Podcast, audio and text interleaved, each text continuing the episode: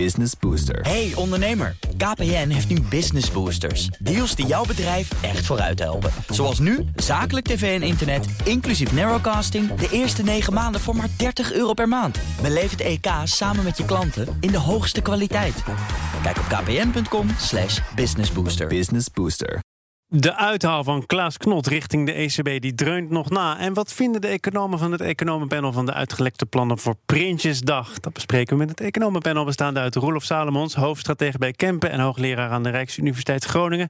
Esther Barendrecht, hoofd van Rabo Research Nederland en Arnoud Boot, hoogleraar ondernemingsfinanciering en financiële markten aan de Universiteit van Amsterdam. En mijn zakenpartner is nog altijd Meiling Tan, de medeoprichter en CEO van de Gusseen. Welkom allen. Laten we maar beginnen met uh, Klaas Knot. Want het is wel gebruikelijk dat de ECB met één mond spreekt. Al weten heel veel mensen dat er op de achtergrond over van alles oneenigheid bestaat. Maar nu dan toch echt een eigen persbericht van de Nederlandse Bank. Waarin Klaas Knot zegt dat hij in ieder geval dat opkoopprogramma. dat door Draghi is gepresenteerd totaal niet ziet zitten. Uh, Roelof, hoe opmerkelijk is dat? Ja, voor mij is dit redelijk ongekend uh, dat, het, dat, het, één, dat het gebeurt. De mening van, uh, van Klaas Knot en Weidman was... het is allemaal wel bekend dat ze dit liever niet hebben... dat ze dit niet zien zitten. Maar om het dan een dag daarna te doen... en met zo'n uitgebreid persbericht... een dag nadat je de uh, geledingen eigenlijk gesloten zou moeten houden... ja, dat is vrij, vrij ongekend. Hij heeft wel een punt... Ehm, maar goed. Maar waarom doet hij het dan? Want het is dus uh, volstrekt in tegenspraak met hoe het normaal gesproken gaat. Heeft het ook te maken met het feit dat Draghi toch vertrekt?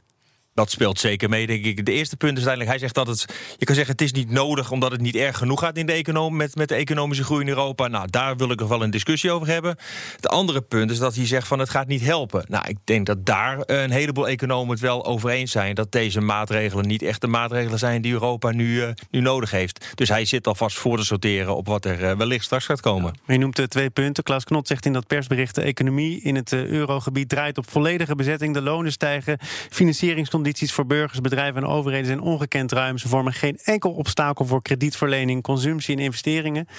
Um, dus dit was niet nodig. Nou, de, de, punten die opgenoemd zijn, heeft hij gelijk in. Alleen de inflatie staat nog steeds uh, niet in de buurt van de 2% die de ECB wil hebben. En uh, dat is wel de doelstelling.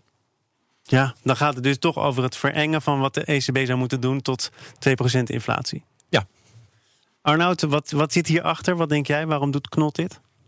Ja, kijk, wat, het is natuurlijk. Ik had ook liever eigenlijk gehad dat die Nederlandse Bank even eigenlijk tot tien had geteld. Um, ik, ik, snap het, ik snap het absoluut, hè, de, de geweldige frustratie. Uh, en ja, misschien, er is natuurlijk over een strategie nagedacht.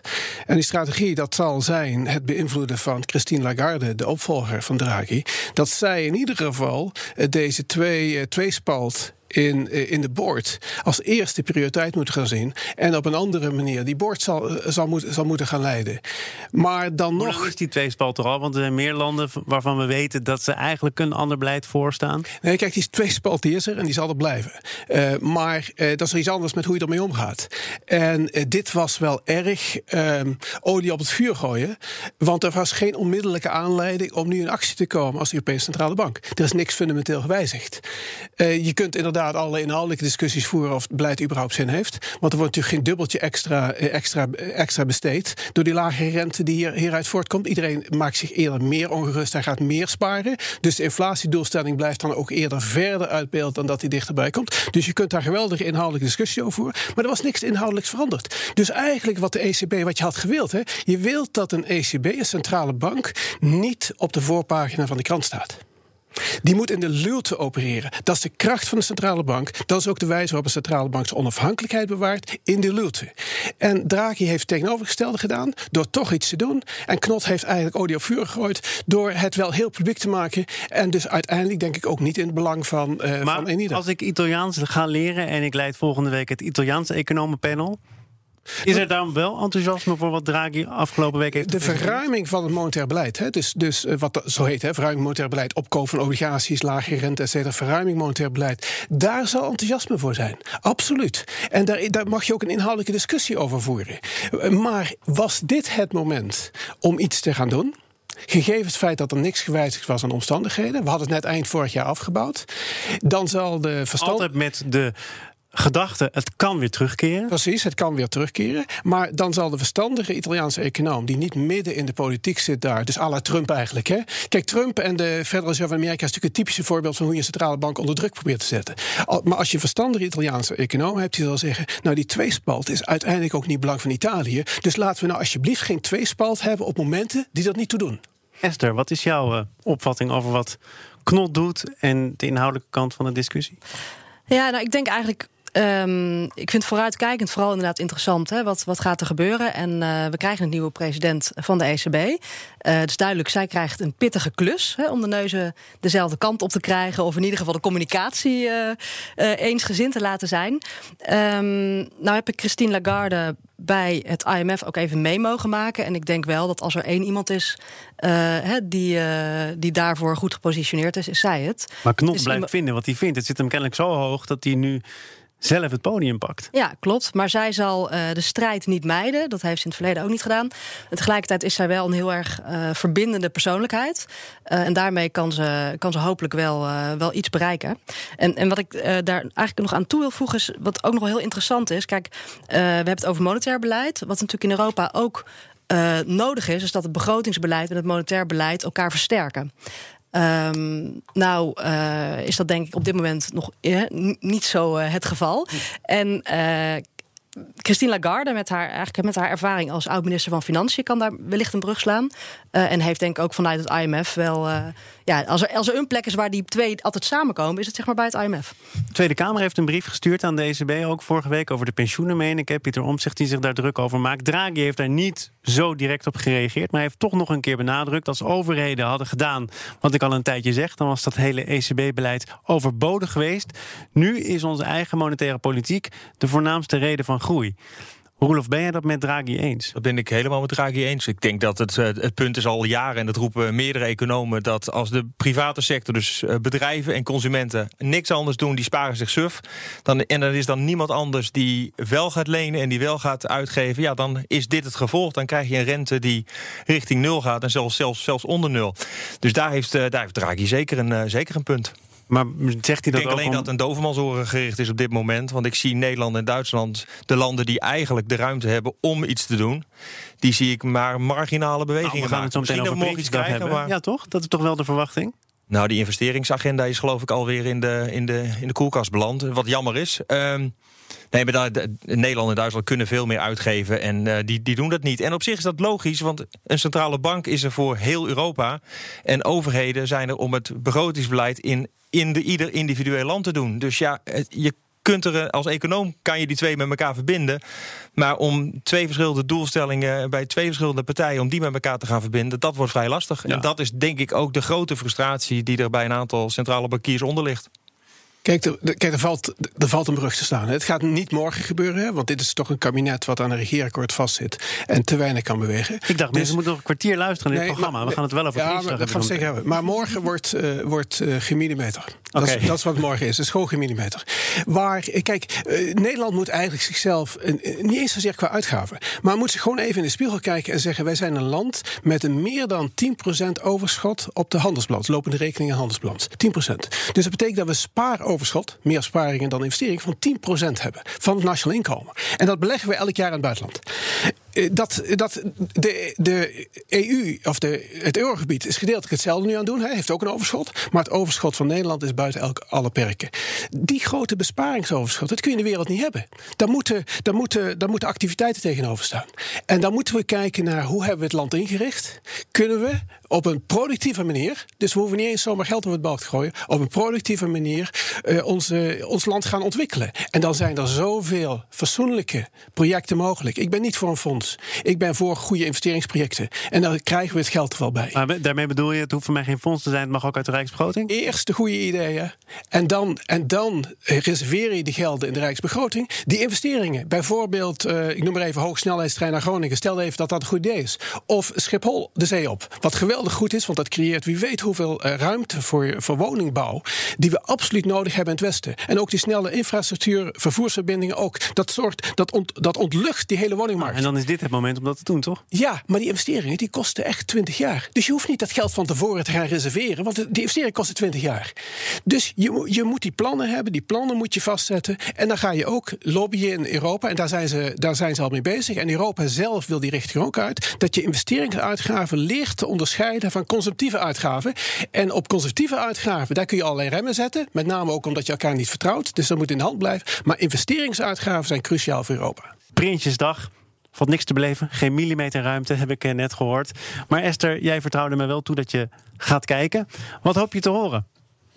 Als jij het zelf nou, zou mogen zeggen. Ja, nou ja, sowieso natuurlijk gewoon meer invulling. Hè, want we hebben nu wel uh, veel bedragen gehoord uh, uh, vanuit stukken die gelekt zijn en zo, maar nog niet wat die dan precies betekenen.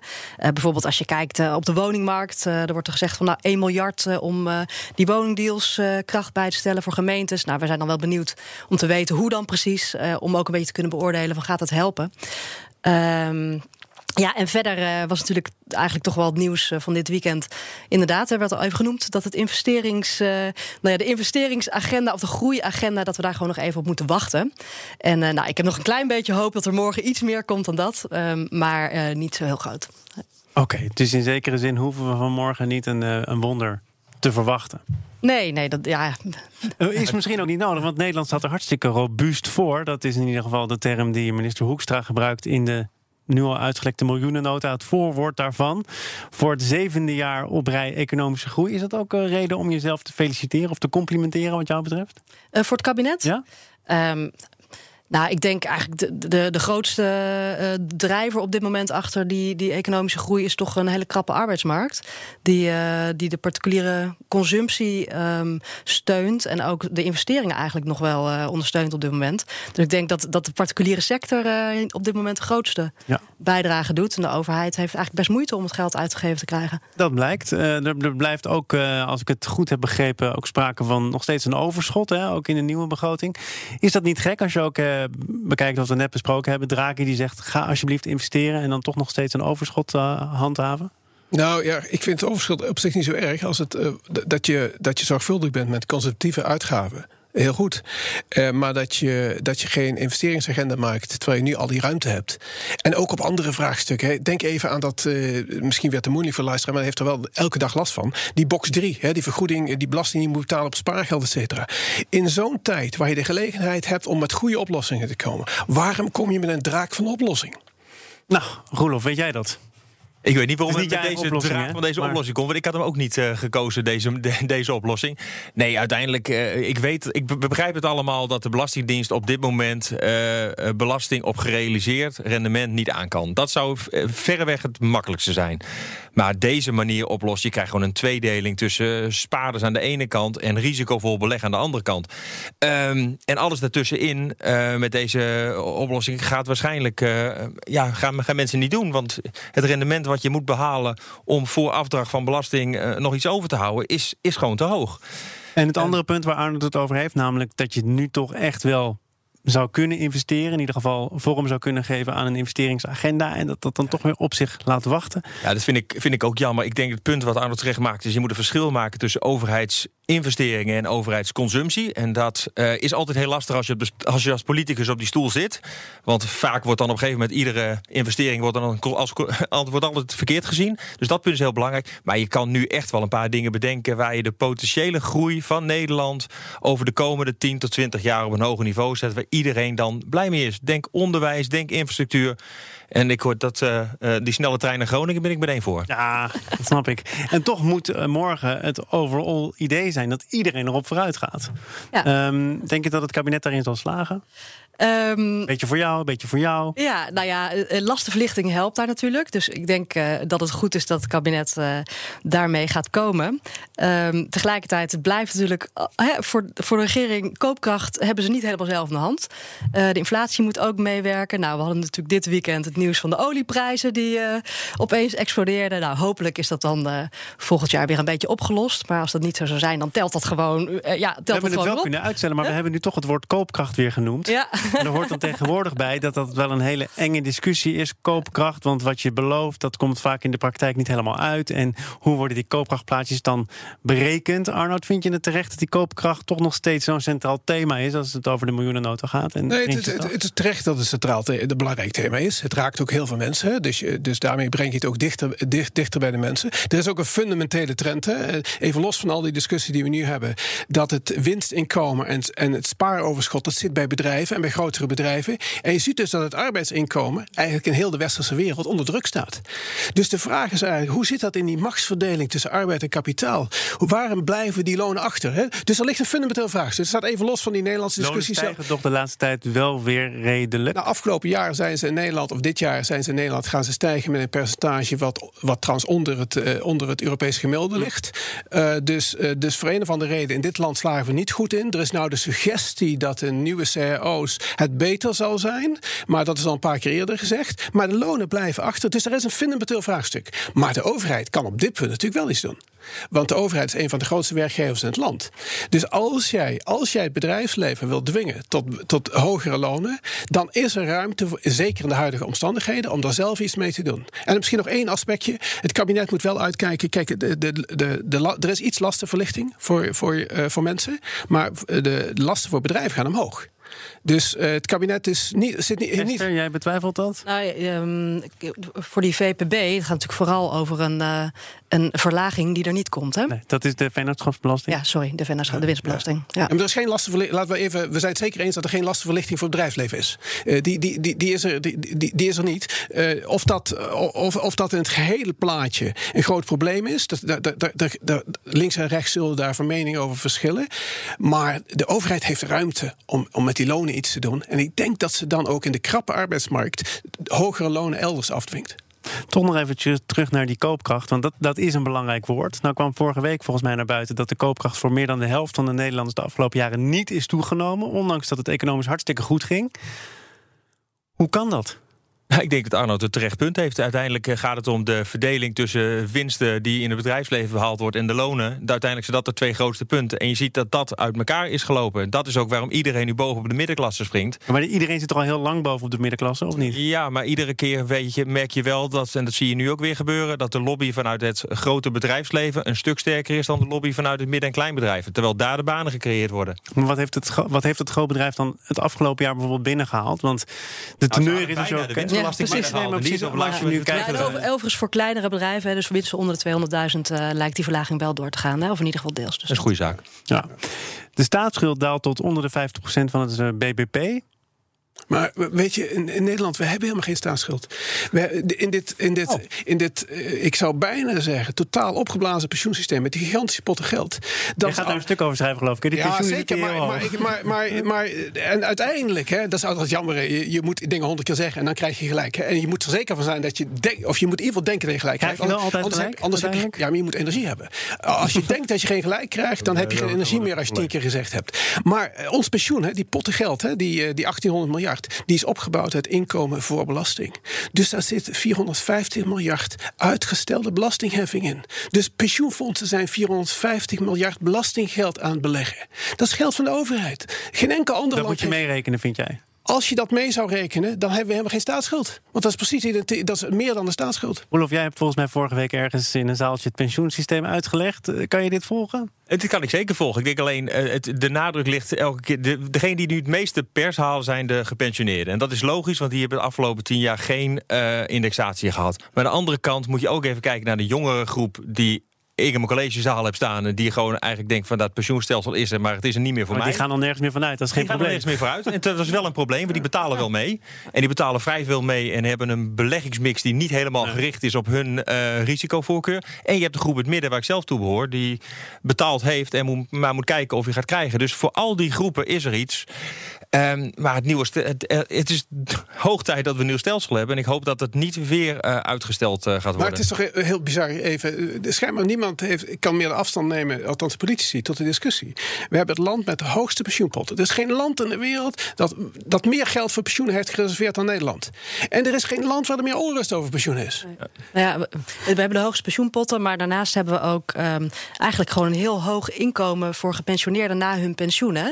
Dus uh, als je het moet je niet te hard roepen in de zaal met. Nee, dat snap, nee, dat snap ik. Uh, dat, dat, begrijp ik heel goed. Want inderdaad, ze zijn, er, ze zijn er misschien reëel op achteruit gaan. Maar als je het vergelijkt met andere landen, dan doen we het in Nederland nog steeds heel goed. Dus soms moeten we denk ik ook even iets meer over de grens kijken. Morgen dan uh, is het geen tijd meer voor inleidende beschietingen. Dan is het ook echt Prinsjesdag. Fijn dat jullie daar al op wilden vooruit beschouwen. Roelof Salomons, hoofdstratege bij Kempen, hoogleraar aan de Rijksuniversiteit Groningen. Esther Barendrecht, hoofd van Rabo Research Nederland. En Arnold Boot, hoogleraar ondernemingsfinanciering en financiële markten aan de Universiteit van Amsterdam. 100.000 onderwerpen niet besproken, lijkt me een goed thema. Uh, goed uh, teken. Tot volgende keer. Business Booster. Hey ondernemer, KPN heeft nu Business Boosters. Deals die jouw bedrijf echt vooruit helpen. Zoals nu, zakelijk tv en internet, inclusief narrowcasting... de eerste 9 maanden voor maar 30 euro per maand. Beleef het EK samen met je klanten in de hoogste kwaliteit. Kijk op kpn.com slash businessbooster. Business Booster.